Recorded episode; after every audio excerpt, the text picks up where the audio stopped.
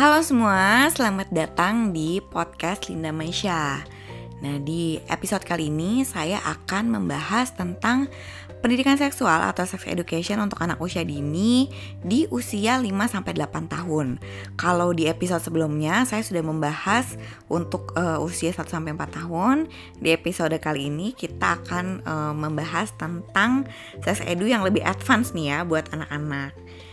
Oke, okay, uh, eh, kalau di usia ini yang bisa kita ajarkan kepada anak. Yang pertama adalah kita mesti mengajarkan kepada anak bahwa kalau anak mau ganti baju itu harus di tempat yang tertutup.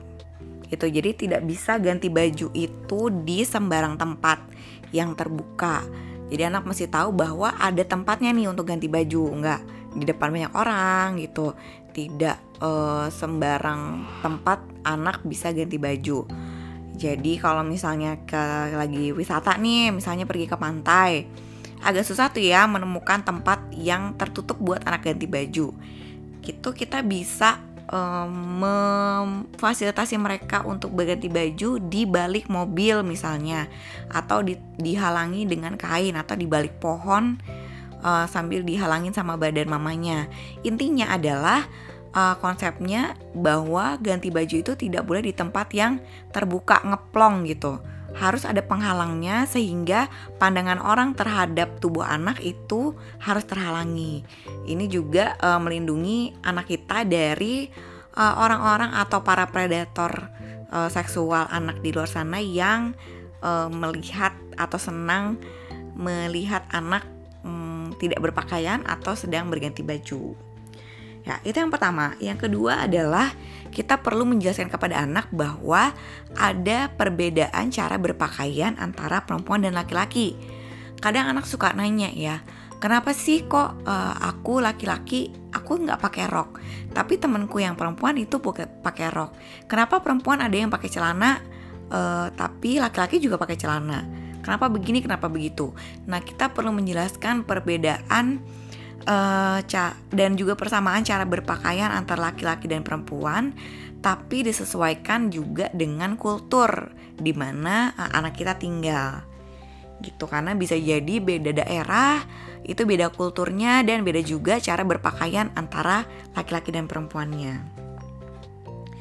Yang ketiga, kita harus mengajarkan kepada anak kita untuk berani bilang no atau tidak mau kalau ada orang yang memaksa untuk memegang atau melihat uh, anggota tubuhnya yang berada di area privat atau area yang berada di dalam baju.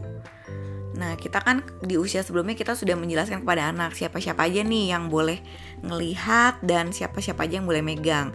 Di usia ini uh, di usia 5 sampai 8 tahun ini, hal tersebut perlu kita pertegas lagi dan kita tambahkan bagaimana cara untuk menolaknya gitu. Bagaimana cara untuk berani uh, melawan atau berani mengatakan tidak ketika dipaksa oleh orang lain.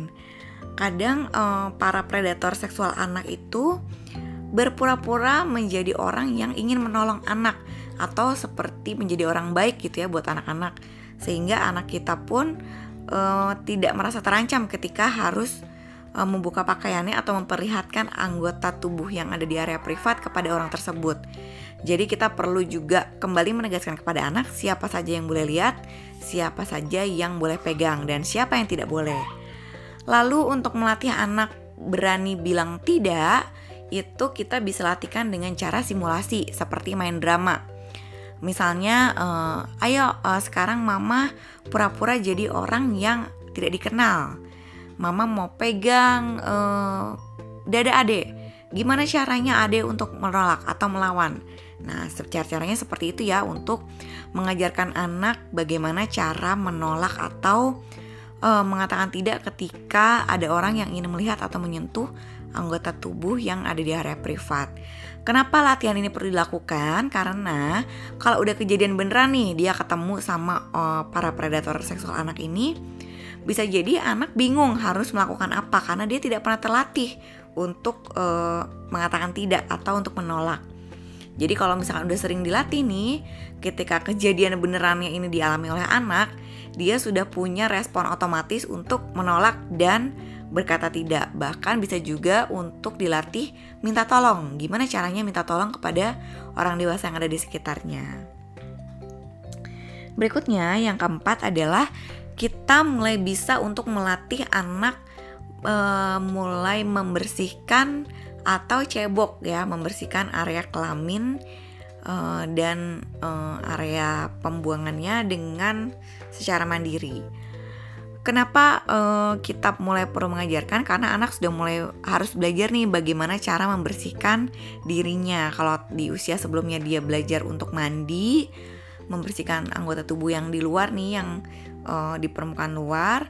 Kalau di usia 5 sampai 8 tahun sudah mulai bisa nih diajarkan untuk membersihkan area yang lebih intim lagi atau sekitar uh, kelamin dan anus. Jadi anak sudah mulai bisa diajarkan bagaimana caranya cebok. Cebok itu dari depan ke belakang, bukan sebaliknya. Lalu bagaimana membersihkannya dengan sabun bahwa setelah selesai cebok atau selesai buang air kecil itu harus membersihkan tangan juga nih dengan sabun cuci tangan sampai bersih gitu jadi uh, itu adalah empat poin yang perlu kita ajarkan kepada anak kita uh, bagian dari pendidikan seksual anak di usia dini untuk umur 5 sampai 8 tahun. Nggak susah kan ya? Bisa ya? Oke, terima kasih sampai jumpa di episode podcast berikutnya.